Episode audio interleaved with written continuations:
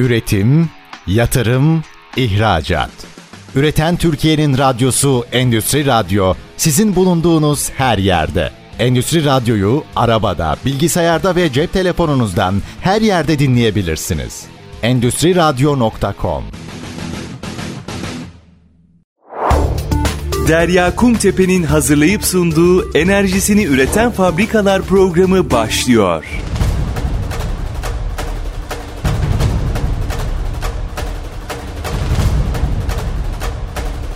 Enerjisini Üreten Fabrikalar programından herkese merhabalar. Ben Derya Kumtepe. Bugün tabii ki de artan enerji maliyetleri, artan elektrik faturaları, bu problemlerin önüne nasıl geçebiliriz, nasıl çözüm önerileri var, fabrikaları özellikle sanayi bu dertten nasıl kurtarabilirizle ilgili birçok çözümü bu programda bir araya getiriyoruz. Birçok çözüm önerisi sunuyoruz. Bugün de çok değerli bir konu ağırlıyorum. PowerPoint enerji kurucusu Mehmet Büyük Koyuncu bizlerle birlikte. Hoş geldiniz Mehmet Bey. Hoş bulduk Derya Hanım. Nasılsınız öncelikle? İyiyim, çok teşekkür ederim. Sizler nasılsınız? İyiyiz bizler de çok teşekkürler. Biliyorsunuz enerji konusu herkesin gündeminin ilk sırasında yer alıyor. Çok ciddi anlamda hem arz problemi var, hem artan maliyetler var, hem de e, sanayiye binen bir yük var. E, bununla ilgili işte birçok çözüm önerisini bir araya getiriyoruz. Burada da tabii lokomotifi güneş enerjisi sektörü alıyor. Bu gündeme girmeden önce biz sizi kısaca tanımak istiyoruz. PowerPoint Enerji firması ne zaman kuruldu? Hangi hizmetler veriyorsunuz sektöre? Biraz sizi tanıyabilir miyiz? Tabii ki. İsterseniz öncelikle kendimden bahsedebilirim çok kısaca. İsmim Mehmet Büyükkoyuncu. Ee, PowerPoint Enerji şirketini geçtiğimiz yıl 2021 yılının ilk yarısında EPDK tedarik lisansı alarak kurmuş bulunuyoruz ve faaliyetlerimize bu kapsamda devam ediyoruz. Şirketimiz aktif olarak elektrik, doğalgaz ve karbon ticaretlerinin yanı sıra e, yenilenebilir enerji sertifikalarının tedariğinde de yer almış bulunuyor. Aynı zamanda yönetimini yaptığımız bir ticari portföyümüz bulunuyor. Bu hizmetlerimizi özetlemek gerekirse en başta ilk ana faaliyet konularımızdan bir tanesi elektrik perakende satışı. Bu kapsamda serbest tüketici vasfı olan müşterilerimize piyasa koşullarında daha uygun fiyatlı ve en önemlisi esnek ve şeffaf bir sözleşme sunabiliyoruz. İkinci faaliyet konumuz toptan satış faaliyetleri. Bu kapsamda ticari olarak yönetmiş olduğumuz portföyümüzle müşterilerimize finansal ve fiziksel piyasalarda işlem kabiliyeti, kısa, orta ve uzun dönemli enerji maliyetlerini hedge etme imkanı sağlamaktayız. Bu noktada büyük elektrik ve gaz tüketicilerinin karşılaştıkları en büyük zorluklardan bir tanesi enerji varlık fiyatlarını hece etme e, hususunda.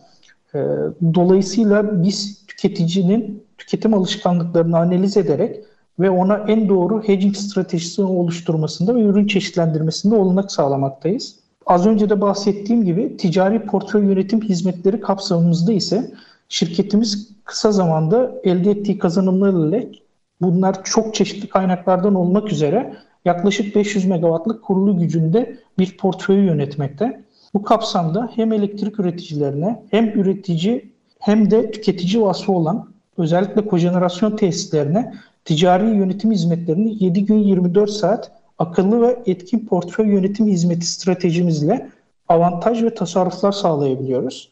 Geliştirmiş olduğumuz algoritmik ticaret altyapısı ile dengesizlik ve ticari yönetimi çok önemli hale gelen tesislere ciddi tasarruflar sağlarken kazan kazan prensibinde onların da ticaret alanında bir gözü olmaktayız adeta.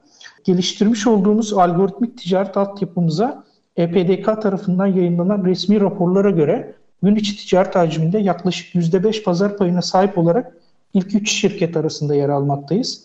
Bizim buradaki temel stratejimiz tesisin dengesizlik yönetimini en aktif şekilde yapabilmek. Onun dışında yatırım danışmanlığı tarafında hizmetlerimiz var. Yine şirketimiz uzun yıllar boyunca profesyonel hayatta elde ettiği tecrübelerle tesislere veya yatırım ilgisi olan yatırımcılara tesis özelinde veya genel enerji piyasaları hususunda yatırım danışmanlığı hizmeti vermektedir.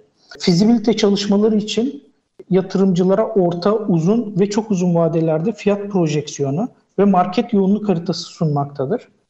Bu sayede yatırımcı doğru bir bakış açısıyla yatırım konularını ele alabilmektedir. Ana faaliyet konularımız bunları oluşturuyor.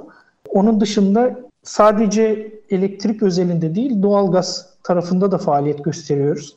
Henüz yeterli piyasa açıklığına ulaşmasa da doğalgaz ticaretinde de ileriki dönemde aktif olmayı planlıyoruz. Tabii doğalgazda konuşmamız gereken önemli bir başlık. Onu da programın ilerleyen dakikalarında daha da ayrıntılı konuşmak isterim. Ama şimdi isterseniz bir genel olarak Türkiye ve global enerji piyasalarındaki bir son durumu değerlendirelim. Ne durumdayız, neler olacak sizce piyasalarda? Tabii aslında ilk önce bu bu noktaya global olarak değinmekte fayda var. Biliyorsunuz 2022 yılı enerji sektörü açısından krizler yılı olarak gelişti. Neredeyse bir yıl içerisinde 3-4 dolar bazında 3-4 kata yakın artış gösteren enerji maliyetleri söz konusu. E, dolayısıyla Türkiye'de de bu durum bu durumu hissetmemek çok mümkün değil. E, bizim aslında enerji sektöründe yeteri kadar arz kapasitemiz olmasına rağmen yaklaşık 100 bin megawattın üzerinde kurulu gücü ne sahip olmamıza rağmen zaman zaman arz talep dengesinde de ciddi sorunlar yaşayabiliyoruz. Onun dışında hala da elektrik spot piyasasında belirlenen fiyatlar spot market referansıyla oluştuğundan dolayı bu noktada da en önemli kaynak hala da doğalgaz e, yakıtlı termik santraller. E, dolayısıyla uluslararası piyasalarda doğalgazın fiyatının artışıyla birlikte bizim de elektrik üretiminde ciddi payı olan bu tesisler nedeniyle merit order dediğimiz arz ve talebin dengelendiği eğride, eğrinin kesiştiği noktalarda fiyat oluşumunda artışlar söz konusu oldu. Bu da tüketicilere geç de olsa, bazı tüketicilere anında yansıyor tabii. Ancak bazı tüketicilere geç de olsa yansımak durumunda kaldı. Biz açıkçası bunun geçici en azından bir süre daha geçici olduğunu düşünmüyoruz ve ileriki dönemde devam edeceğini düşünüyoruz. Yine Türkiye'de bu artan enerji fiyatlarına önlem olarak kamu tarafında çok hızlı tedbirler alındı. Bunlardan bir tanesi kaynak bazında destekleme yönetmeliğiyle belli maliyetleri belli fiyatın üzerine çıkan tesislere hem bir destek sağlamak aynı zamanda buradan toplanan fon ile e, serbest tüketici dediğimiz daha küçük tüketicilerin fonlanması için kullanıldı ki bu da e, bizim aslında elektrik faturalarımızda global dünyaya göre, Avrupa'ya göre çok ciddi artışlar olmasını engelledi. Tabii bu bahsettiklerimiz döviz bazında. Ancak bizim ülkemizde artan kurla beraber büyük sanayi kuruluşları ya da büyük elektrik tüketicileri buradaki hissettikleri enerji maliyetlerindeki artış yaklaşık olarak 7-8 katlara dayanmış oldu. Doğru söylüyorsunuz. Özellikle kurdaki dengesizlikler gerçekten e, faturalara çok ciddi olumsuz şekilde yansıyor. Burada tabii ki güneş enerjisinin durumu birazcık daha öne çıktı. Çünkü hem dünyada hem Türkiye'de sadece güneş değil rüzgarda ve diğer yenilenebilir enerji kaynaklarında ciddi yatırımlar gerçekleştiriliyor. Türkiye'de güneş enerjisinden daha fazla pay almak istiyor. Bir global açıdan bir de Türkiye açısından bu güneş enerji santrallerindeki durumu değerlendirebilir misiniz? Özellikle fabrikaların çatıları çok kıymetli alanlarda daha önceden kullanılmıyordu. Şimdi ise fabrikaların üstüne de adeta bir fabrika kurulmuş durumda ve orada güzel üretimler yapılıyor, güzel yatırımlar hayata geçiyor. Evet. Açıkçası biz e, birçok kişi gibi yenilenebilir enerji dönüşümünü çok önemsiyoruz. Ancak şu da başka bir gerçek. Yenilenebilir dönüşüm beraberinde iletim ve dağıtım şebekesinde zaman zaman strese neden olabiliyor. Özellikle dağıtık üretimle beraber bu stres e, yönetilebilir seviyelerin üzerine çıkıyor. Dolayısıyla elektrik piyasası kanununda amaç son tüketiciye ucuz ve kaliteli elektrik tedarik etmek olarak açıklanmakta. E, dolayısıyla biz yenilenebilir dönüşüm sayesinde bu maliyetleri düşürebiliyoruz. Ancak bu dönüşüm zaman zaman kaliteyi bozabiliyor. Bunun da yakın dönemde ülkemizde de yönetmeliği ve başvuruları başlayan depolama tesisleriyle mümkün olabileceğini ve bu adımlarla yenilenebilir dönüşümün hızlı gerçekleşebileceğini düşünmekteyiz. Yenilenebilir dönüşümünde tabii ki en zahmetsiz yolu ve en kolay erişilebilir yolu güneş enerjisinden geçmekte. Güneş enerjisi teknolojilerin tüm dünyada yaygınlık kazanmasıyla dağıtık üretim son derece önem kazanıyor. Avrupa'da geçtiğimiz dönemlerde eksi fiyat mekanizmasıyla yenilenebilir üretimin olduğu dönemlerde negatif elektrik fiyatlarını dahi görebilmekteyiz. Yani üretici elektrik ürettiği için aslında sisteme para ödemiş oluyor. Bu noktada bizim ileriki dönemde beklentimiz bu dönüşümün tabana yayılarak birçok kişinin elektrik üreticisi olmasını beraberinde getirmesidir ki bu zaten şu an büyük tüketicilerle, büyük sanayi kuruluşlarıyla başlamış durumda. Ancak biz bunun ileriki dönemde daha tabana yayılarak daha küçük mikro gez şebekesinde feasible hale geleceğini düşünmekteyiz.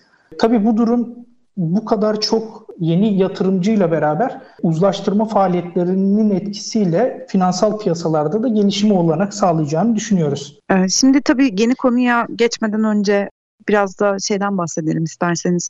Fabrikalar özellikle dedi, az önce de söylediğimiz gibi maliyetleri aşağıya çekmek için ve zamlardan en az oranda etkilenmek için kendi enerjilerini üretmek istiyorlar. Siz çok fazla sahadasınız, çok fazla kuruluşla sohbet ediyorsunuz, toplantılar yapıyorsunuz.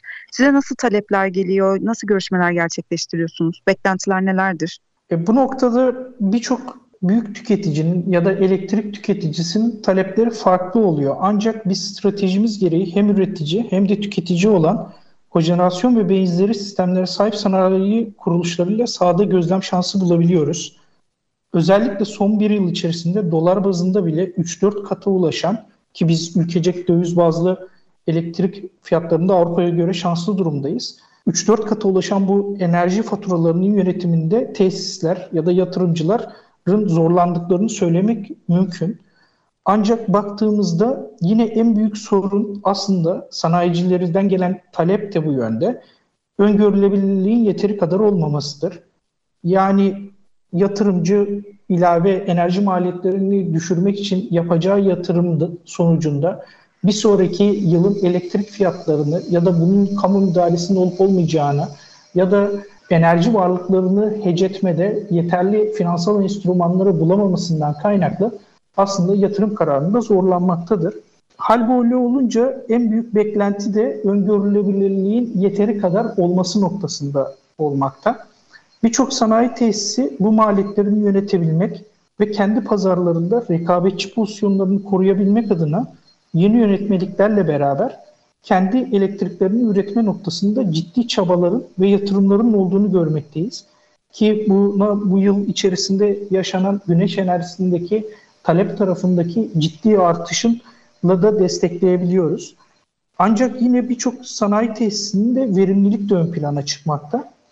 Bu işin uzmanları ile yaptığımız görüşmelerde tesisin küçük optimizasyonlar ile beraber büyük kazançlar elde edebildiği, elde edebildiğini de görmekteyiz.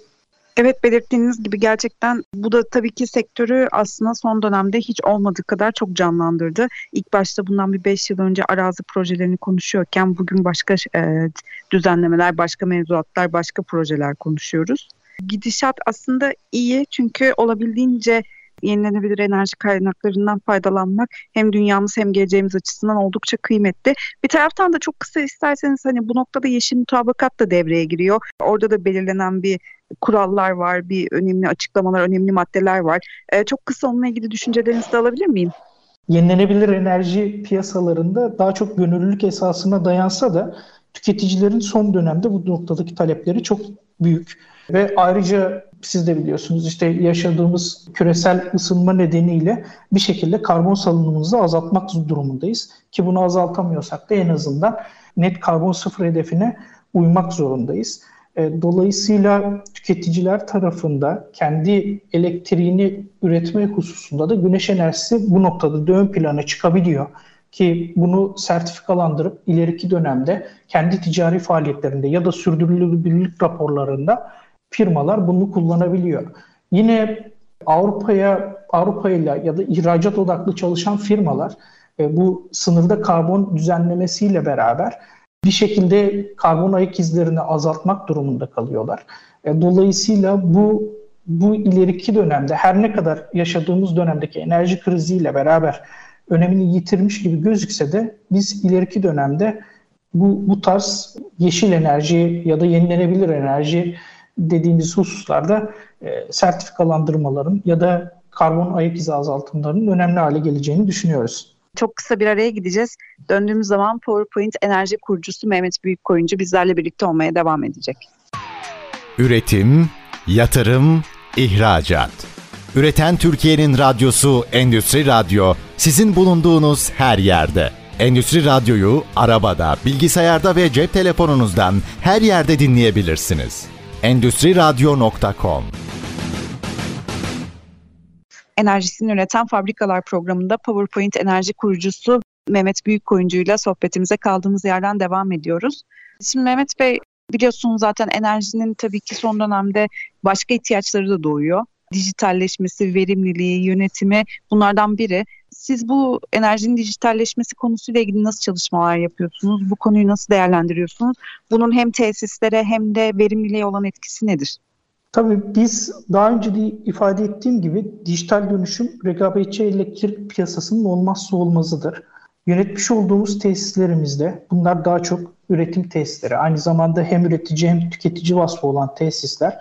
Bunlardan da bir örnek vermek gerekirse 7 gün 24 saat tesisleri izleyebiliyoruz ve tesisin üretimini etkileyebilecek herhangi bir değişim meydana gelmesi durumunda anlık izleme sistemlerimizle bizim arka planda çalıştırdığımız modellerimize hemen bir uyarı mekanizması geliyor ve elde ettiğimiz gerçek zamanlı üretim verileriyle ileriye dönük tahminleme gerçekleştirebiliyoruz buradaki modellerimizle. Tabii bunlar kaynağa göre değişkenlik gösteriyor. Güneş için ayrı bir model çalıştırıyoruz, rüzgar için ayrı bir model çalıştırıyoruz.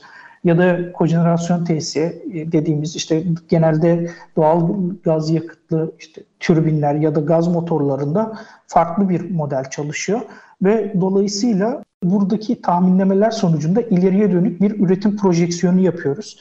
Bunu da gün içerisinde ve çok kısa sürelerde gerçekleştiriyoruz ve bunu birden çok kez gün içerisinde tekrar ediyoruz. E, dolayısıyla bu modellemenin de çıktısı olarak otomatik ticaret algoritmalarımızla alış ve satış işlemlerini gün içi piyasasında gerçekleştiriyoruz ve bu testlerin dengesizlik ve diğer maliyetlerini minimum seviyeye çekmeye çalışıyoruz. Aslında bunun ek olarak şöyle bir faydası da oluyor. Biz e, mevzuat gereği tüm piyasa katılımcılarının sorumluluğu şebeke işletmecisine yani TİH'a öngörülebilir bir e, dengelenmiş bir sistem bırakma hedefimiz mevcut. Tabii gerçek zamanda e, bunun aksini yaşayabiliyoruz. Bazen arz talep dengesinde arıza kaynaklı ya da üretim ve tüketim sapmaları kaynaklı dengesizlikler oluşabiliyor. Ama temeldeki hedef bu tarz dijital dönüşümle beraber bunları minimize etmek ve şebeke işletmecisine rahat idare edilebilir ve güvenli bir, kaliteli bir sistem bırakmak.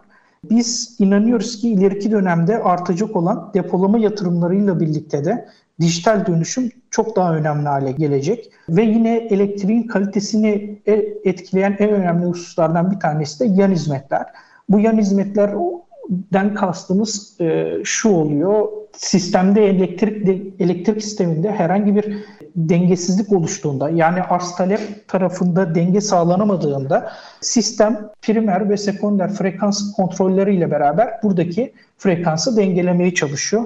Aksi halde buradaki frekans dengelenmediği durumda e, yakın tarihte hayatımızda da gerçekleşen 31 Mart olayı diye söylediğimiz 2015 yılında gerçekleşen tüm sistemin elektrikleri gidebiliyor. Dolayısıyla buradaki depolama faaliyetleri özellikle depolamalı elektrik üretim sistemleri ya da müstakil depolama tesisleri bu noktada önemli olacağını düşünüyoruz. Ve aynı zamanda bu sayede arbitraj fırsatı da elde edebileceklerine inanıyoruz. Ki bunu bu kadar dinamik bir şekilde yönetebilmenin anlık olarak bir saat içerisinde birkaç farklı yük alı ya da yük atı yerine getirebilmesini de sadece dijital olarak ve anlık olarak izlenerek e, ve ticaretini yapılarak mümkün olduğunu, olacağını düşünüyoruz. Yine biz kendi portföyümüzde yer alan esnekliği olan tesislerde farklı tesislerin taahhütlerini, üretim taahhütlerini yerine getirememesinde ya da işte fazla üretmesinde diğer portföyümüzde yer alan diğer üretim tesislerinin esnekliklerini kullanarak şebekeyi kendi grubumuz içerisinde dengelemeye çalışıyoruz. Biz açıkçası yine bu dağıtık üretimi mümkün kılabilmenin de en önemli unsuru dijital dönüşümden geçtiğini düşünüyoruz. Şu aşamada mesken boyutunda çok yaygınlaşmasa da ileriki dönemde hem bu tarz küçük kapasiteli GES yani mikro GES veya mesken lerin üzerindeki çatı gesleriyle aynı zamanda elektrikli araçların dönüşümüyle elektrik sektörü AVM'lerden bakkallarını inşa edeceğini düşünüyoruz aslına bakarsanız. Bunu bu şekilde ifade etmek mümkün. Bu kadar çok piyasa katılımcısını yönetebilmenin tek yolu da yine dijital dönüşüm ve gerçek zamanda anlık izleme, dengeleme ve beraberinde uzlaştırma dönemi sonunda da otomatik uzlaştırma ve faturalama sistemlerini hayata geçirebilmekten geçiyor. Bu sayede sadece dijital dönüşümün değil, aynı zamanda blockchain teknolojilerin de bu kadar büyük operasyonda önemli hale geleceğini düşünüyoruz. Çünkü bu noktada sistemdeki şu an abone sayısını biz 3-4 kat fazla arttırmış olacağımızı, yakın gelecekte de bunun böyle olacağını düşünüyoruz aynı zamanda. 3-4 kat fazla arttıracağımızı ve bunun da beraberinde uzlaştırma faturalama aşamasında da bazı sorunları beraberinde getireceğini düşünüyoruz. Dolayısıyla sadece izleme sistemleri ya da gerçek zamanlı e, anlık olarak izleyebildiğimiz verilerden değil, bunun sonucunda dijital dönüşümle beraber yine diğer alternatif teknolojilerle beraber hem finansal piyasalara gelişimin etkisi olacağını düşünüyoruz hem de birçok katılımcıların aslında kendini sektörün oyuncusu olarak içinde bulacağına inanıyoruz. Ee, dilerseniz programın böyle ikinci bölümünü birazcık uygulama örneklerine ayıralım. Çünkü yapılan uygulama örneklerinin ve elde edilen verimlilik değerlerinin sektördeki diğer projelere çok önemli katkıları oluyor. Siz son dönemde hangi projede yer aldınız, nasıl avantajlar sağladınız o projeye, nasıl verimlilikler elde ettiniz? Böyle bir ya da iki projeyi bize açıklayabilir misiniz, anlatabilir misiniz? Tabii biz aslında proje olarak ikiye ayırmak mümkün. Biz daha öncesinde de şirketimizin kuruluşundan itibaren güneş enerjisi tarafında daha küçük daha küçük tüketici boyutuna indirgemek için faaliyetlerde bulunduk. Bu tesislerin izin süreçlerinden tutun anahtar teslim kurulum hizmetine kadar çalışmalar yürüttük. Yaklaşık mikro GES özelinde de 125 kW gücünde bir iş bitirmesi elde ettik. Ancak artan yatırım maliyetleri yani güneş enerji sektöründeki talep kaynaklı ekipmanların fiyatlarının artmasıyla ve aynı zamanda özellikle küçük tüketicilerde yer alan düşük elektrik tarifeleri ve izin süreçlerinin küçük tesis bazında da neredeyse büyük tesislerle aynı olması nedeniyle bu alandaki faaliyetlerimizi yavaşlatma kararı almış bulunuyoruz. Ancak bu konuyu da özellikle çok önemsiyoruz.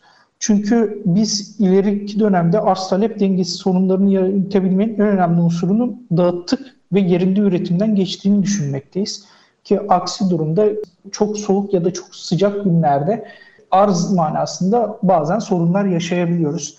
Ve bunu aşabilmenin de en büyük, en kolay ve en zahmetsiz yolunun mikro GES'lerle dağıtık üretimden geçtiğine inanıyoruz. Dolayısıyla biraz da çok kısa bu alanda yapmış olduğumuz projelerden de bahsetmek gerekirse eğer küçük hacimdeki bu tesislerde daha çok müstakil ofis ve tarımsal faaliyette bulunan üreticileri hedeflemiş bulunuyoruz biz. Özellikle tarımsal faaliyetlerde elektrik faturası önemli giderler arasında yer alıyor. Soğuk zincir süt tedariğinin uygun maliyetli yapılabilmesinde de en önemli maliyet sağım ve soğutmada kullanılan elektrikten geçiyor. E, dolayısıyla bu noktada tarımsal faaliyette bulunan bu üreticilerin de maliyetlerini düşürebilmesi için bu tarz yatırımlara ihtiyaçlarının olduğunu düşünüyoruz. Ancak daha önce de bahsettiğim gibi artan yatırım maliyetleri ve izin süreçlerinin henüz küçük yatırımcı özelinde çok avantajlı pozisyonlar sunmaması nedeniyle bu alandaki faaliyetlerimizi biraz yavaşlatmış bulunuyoruz. Ek olarak diğer projelerimizde yönetmiş olduğumuz bu portföyde bizim neredeyse yarısı sanayi kuruluşlarından kojenerasyon hem üretici hem tüketici olan tesislerde bulunuyor. Ve bu tesislerin de dengesizlik maliyetleri onların üzerinde bu artan enerji fiyatlarıyla ciddi maliyetler oluşturuyor. Kabaca örnek vermek gerekirse 5 megawattlık bir kurulu güce sahip kojenerasyon tesisinin neredeyse dengesizlik maliyeti aylık 70-80 bin liraları bulmuş oluyor. Ve biz bu etkin ve akıllı yönetim hizmetlerimiz kapsamında bu bedelin tamamını onlara neredeyse tasarruf ettirebilmiş oluyoruz.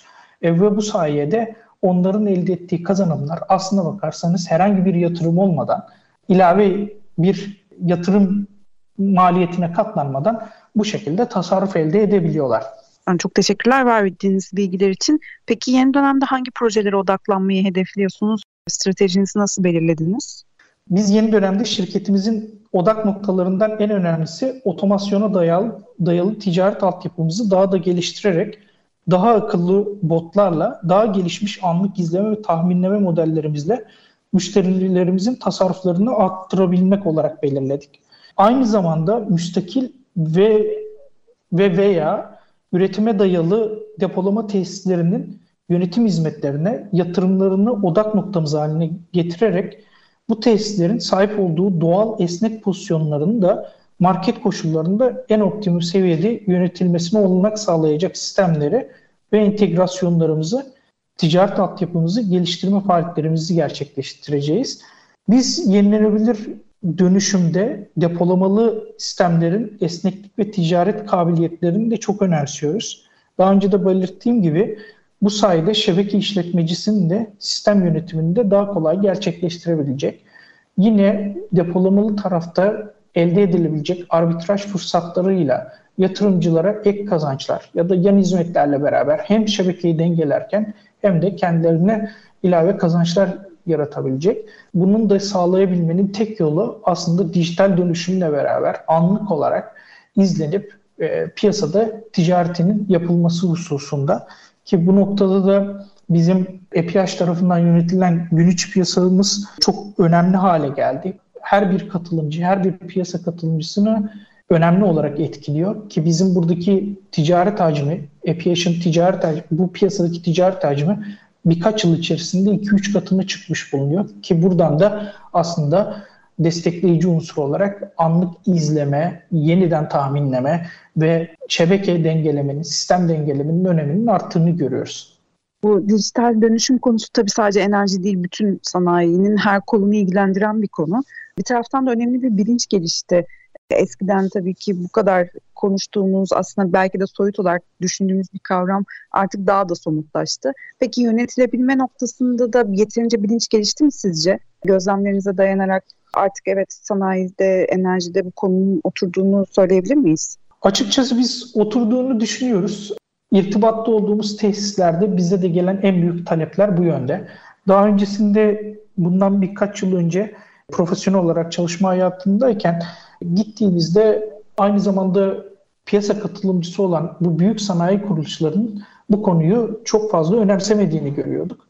Bunun nedeninin de bir noktada elektrik ve ya da doğal gaz faturalarının aslında giderlerin içerisindeki payının düşüklüğünden kaynaklanıyor olmasıydı belki. Bu noktada bir farkındalık oluştu. Dolayısıyla sanayi tesislerinin ya da büyük tüketicilerin ya da büyük ticarethanelerin bu kapsamda daha ilgili olduğunu görüyoruz. Bu maliyetlerini kısmak, e, enerji faturalarını düşürmek ya da tüketim alışkanlıklarını aslında enerji giderlerine göre şekillendirmek yönünde olduğunu görüyoruz. Ki siz de biliyorsunuz Türkiye'deki elektrik aslında 24 saat farklı fiyatta. Ee, biz her ne kadar evsel tüketimde bunu çok hissetmesek de aynı birim bedeli görsek de tarifelerimizde büyük sanayi kuruluşları bunu saatlik fiyatlama üzerinden tedarik edebiliyorlar. E, dolayısıyla çok tüketimin, çok talebin olduğu yerde yüksek fiyatlar oluşurken düşük tüketimin olduğu yerlerde düşük fiyatları gözlemleyebiliyoruz. E, sanayi kuruluşları daha öncesinde buradaki vardiyalarını belirlerken bunu göz önüne almıyorlardı. Ancak şimdi gördüğümüz şimdiki durumda aslında vardiya optimizasyonuna kadar bu noktada eğilimin olduğunu görüyoruz. Yine sanayi tesislerinin izleme anlamında daha önce zayıf kaldıkları noktalarda aslında izleyemedikleri şeylerden korktuklarını ve burada aslında ne kadar küçük yatırımlarla ne kadar büyük tasarruflar elde edebileceklerini gördüklerinden dolayı biz açıkçası şu an sektördeki bu ilgiden memnunuz. Sanayi tarafında da büyük tüketiciler tarafında da bunun artacağını ileriki dönemde daha da çeşitleneceğine inanıyoruz. Çok teşekkürler Mehmet Bey. Kısa bir araya gidiyoruz. Döndüğümüzde sohbetimize kaldığımız yerden devam edeceğiz. PowerPoint enerji kurucusu Mehmet Büyükkoyuncu bizlerle birlikte olmaya devam edecek. Üretim, yatırım, ihracat. Üreten Türkiye'nin radyosu Endüstri Radyo sizin bulunduğunuz her yerde. Endüstri Radyo'yu arabada, bilgisayarda ve cep telefonunuzdan her yerde dinleyebilirsiniz. Endüstriradyo.com enerjisini üreten fabrikalar programında PowerPoint enerji kurucusu Mehmet Büyükkoyuncu ile sohbetimize kaldığımız yerden devam ediyoruz. Şimdi programın tabii ikinci bölümünde uygulama örneklerinden ve projelerden bahsettik. Projelerden tam konuşurken son dönemde oldukça öne çıkan hibrit konusuna da değinmek istiyorum ben. Türkiye yeni dönemde hibrit projelere ağırlık verecek. Siz bu konuyla ilgili nasıl hazırlıklar yapıyorsunuz? Yatırım danışmanlığı bölümünüzde e, bu konudaki yatırımcıları nasıl yönlendiriyorsunuz? Biraz böyle hibrit tarafında eksikler var mı? Oturması gereken başlıklar var mı? Tabii. Hibrit projeler aslında bundan iki yıl kadar önce yaklaşık olarak ilk yönetmeliği çıktığında herkesi çok fazla heyecanlandırmıştı. Sonrasında bazı değişiklikler oldu bu yönetmelikte kapasiteyle alakalı olarak. Ancak hala da popülerliğini koruyor. Tabii siz eğer bir hidroelektrik santrali sahibiyseniz ya da bir rüzgar santrali sahibiyseniz e, yılın sadece ba- belli bazı dönemlerinde çalışmalarınız kurulu gücünüze kadar erişebiliyor. Diğer dönemlerde kapasitenizde bazı boşluklar yer alıyor. E, dolayısıyla buradaki bu yönetmelik sayesinde de buradaki boşluklara doldurma fırsatı yaratabiliyorsunuz. E, dolayısıyla bu noktada da yine güneş enerjisinin bu alanda sıyrıldığını görüyoruz. Özellikle hidroelektrik ve güneşin kombinasyonu, yine aynı zamanda rüzgar ve güneşin kombinasyonu ve ek olarak yine biyokütle ve güneşin kombinasyonuyla beraber projelerin hayata geçtiğini görüyoruz. Ve bizim özellikle yine güneşin yardımcı kaynak olduğu kendi portföyümüzde HES ve GES, biyokütle ve GES projelerine odaklanarak bu kapsamda portföyümüzde yer alan müşterimizin yatırım karar süreçlerinde aktif bir şekilde geçtiğimiz dönemde yer aldık. Bundan sonrasında da yer almaya devam edeceğiz. Bu tesislerin birçoğu yeklem kapsamında olmasına karşılık yeklem süresinin sonuna yaklaşanlar da mevcut. Ki eski yeklem yönetmeliğindeki belirlenen fiyatların çok cazip olduğunu, yeni yekleme göre çok cazip olduğunu görüyoruz. E, dolayısıyla yeklem süresinin sonunda bu tarz yatırım kararlarında bir market analizi, yine fiyat projeksiyonlarına ihtiyaç duyuluyor. Dolayısıyla biz yatırımcılarımız için market dinamiği ve spot market fiyatlarının referans oluşturması amacıyla daha önemli hale geleceğini düşünüyoruz.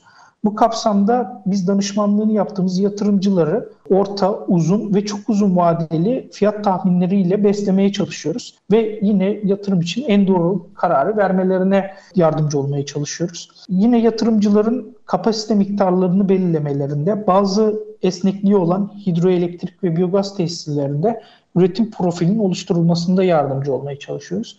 Yönetmiş olduğumuz bazı hidroelektrik santrallerin su optimizasyonu yapabilmesi nedeniyle aynı zamanda işte bir depolamalı bir elektrik üretim tesisi vasfı varmış gibi oluyor ve dolayısıyla buradaki yardımcı kaynağın üretim profiline göre buradaki diğer ana kaynağın üretim profilini optimize ederek bu noktada kar maksimizasyonunu hedefliyoruz.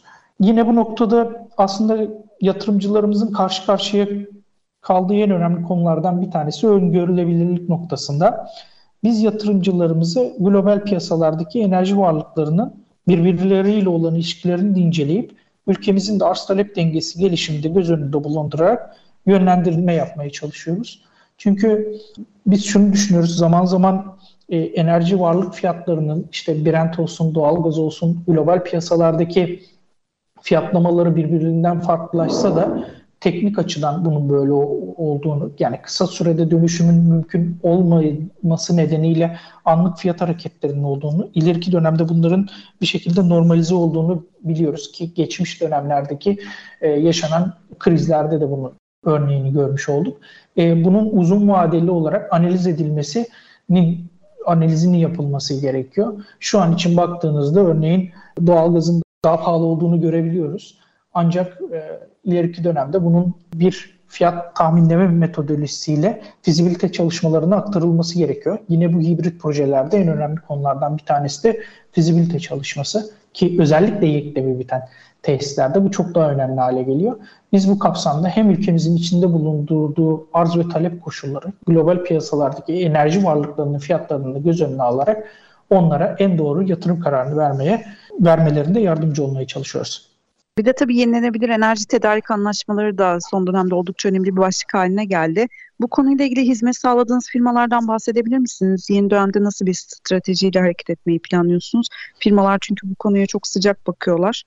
Evet, biz yenilenebilir enerji tedarik anlaşmalarını çok önemsiyoruz. Ancak hala hazırda bizim piyasamızın altyapısının da buna çok uygun olmadığını düşünüyoruz. Bunun da nedenini yine aslında aynı noktaya geldiğimiz öngörülebilirlikten geçtiğini düşünüyoruz. Çünkü elektrik piyasaları fiyatlaması gereği çok hızlı bir şekilde varlıkların fiyatlarına karşı duyarlı. Yani bugün Brent'in fiyatı arttığında ya da doğalgazın yurt dışı piyasalardaki fiyatı arttığında bize eninde sonunda çok hızlı bir şekilde yansıyor. Ve dolayısıyla buradaki yansımalar nedeniyle de buradaki uzun dönemli yani yenilenebilir enerji tedarik anlaşmaları kapsamındaki uzun dönemli kontratların yapılmasını zorlaştırıyor. Çünkü hece imkanı zaman zaman bulamayabiliyorsunuz. Bizim de bu sektörde geliş, hızlı gelişmesini arzu ettiğimiz en önemli konulardan bir tanesi bu yenilenebilir enerji tedarik anlaşmaları.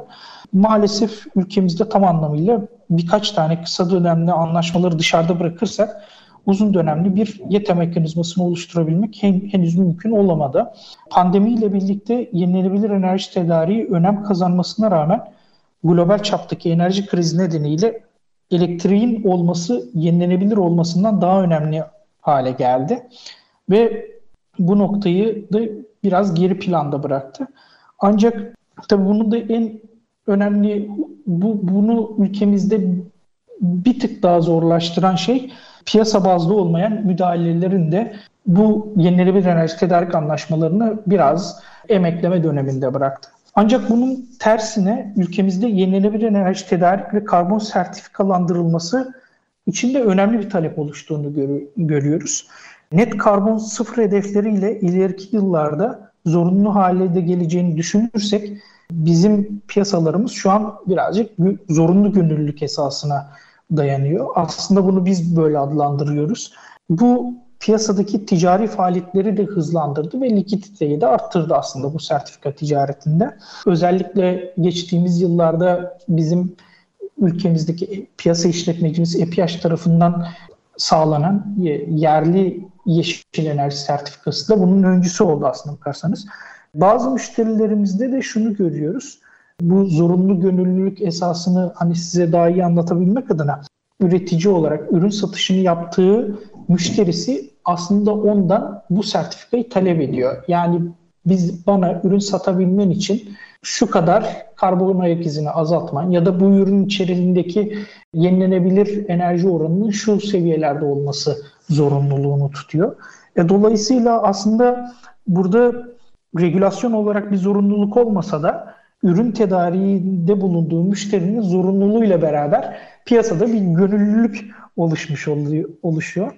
Ee, biz bu noktada PowerPoint Enerji olarak bu piyasaların en başından beri faaliyet neredeyse gösteriyoruz. Önce profesyonel hayatta daha sonrasında kendi şirketimizde 5 yıldan uzun dönemli bir yenilenebilir enerji tedarik sözleşmesiyle sertifika tedarik ediyoruz ki bu sektörde çok uzun bir vade.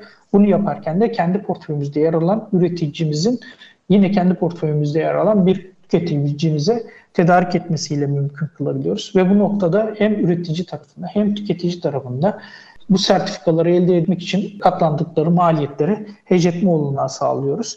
Ve yıllık toplam olarak 100 bin megawatt saat karşılığı sertifika tedarik edebiliyoruz. Bu da açıkçası bu sektörde iyi bir hacim olmuş oluyor şu anki mevcut koşulda, koşullarda.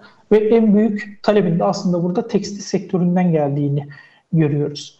Genelde ihracat odaklı çalışan bu sektörde onların ürün sattığı müşterilerin bunu zorunlu kırmasıyla bu sağlanabiliyor. Ancak yine de bu hacmimizde yeterli görmüyor. İleriki dönemde de etkinliğimizi daha da arttırarak yönetmiş olduğumuz portföyü de genişleterek, bunu da çeşitlendirerek, yine müşteri tarafında talebi sağlayarak bu hacmi arttırmayı planlıyoruz. E, bu noktada da yine yenilebilir enerji tedarik anlaşmaları dediğimiz fiziki olarak elektriğin de satışının mümkün olduğu mekanizmaların oluşması konusunda da faaliyetlerimizi yürütüyoruz, görüşmelerimizi yapıyoruz. Yine aynı zamanda bu noktada sektörün içinde bulunduğu derneklerde aktif olarak yer alıyoruz. Tekstil sektörü zaten biliyorsunuz bir dönem e, kendi enerjisini kojenden üretiyordu. Hepsinde bir kojen tesisi vardı. Şu anda aktif durumdalar mı, çalışıyorlar mı? Onlar da şu anda güneşe yatırım yapıyorlar bildiğim kadarıyla. Evet. Aslında bizim gördüğümüz kojenel tesisleri hala hayatta kalabiliyor. Yani aslında şöyle buhar ihtiyacı olan bir tesiste kojenerasyon tesisinin varlığı önem arz ediyor. Çünkü hala hazırda bu buharı üretebilmek için kullanabileceğiniz yakıtlar çeşitli ancak teknik olarak daha önceden bu yatırımı yapılması nedeniyle ve aynı zamanda yeni ilave yatırım da bulunmak istemeyen yatırımcılar kojenerasyon testlerini aktif olarak çalıştırıyor.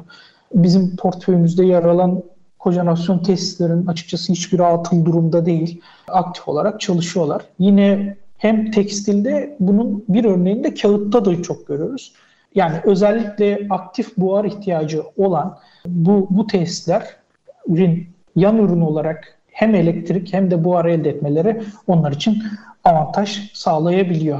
Normal doğal gaz yakarak, kömür, doğal gaz kazandık, doğal gaz yakarak bunu üretmek yerine. Şimdi programımızın sonuna doğru yaklaştık hatta geldik. O yüzden sizden bir yeni dönem hedeflerinizi, projelerinizi öğrenmek istiyorum. Ee, iş gündeminizde hangi başlıklar olacak?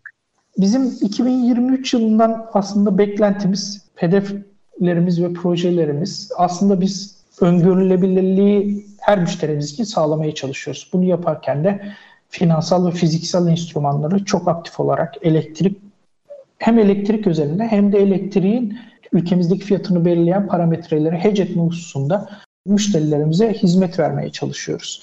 Aktif bir şekilde onların enerji maliyetlerini yönetmelerine olanak sağlıyoruz.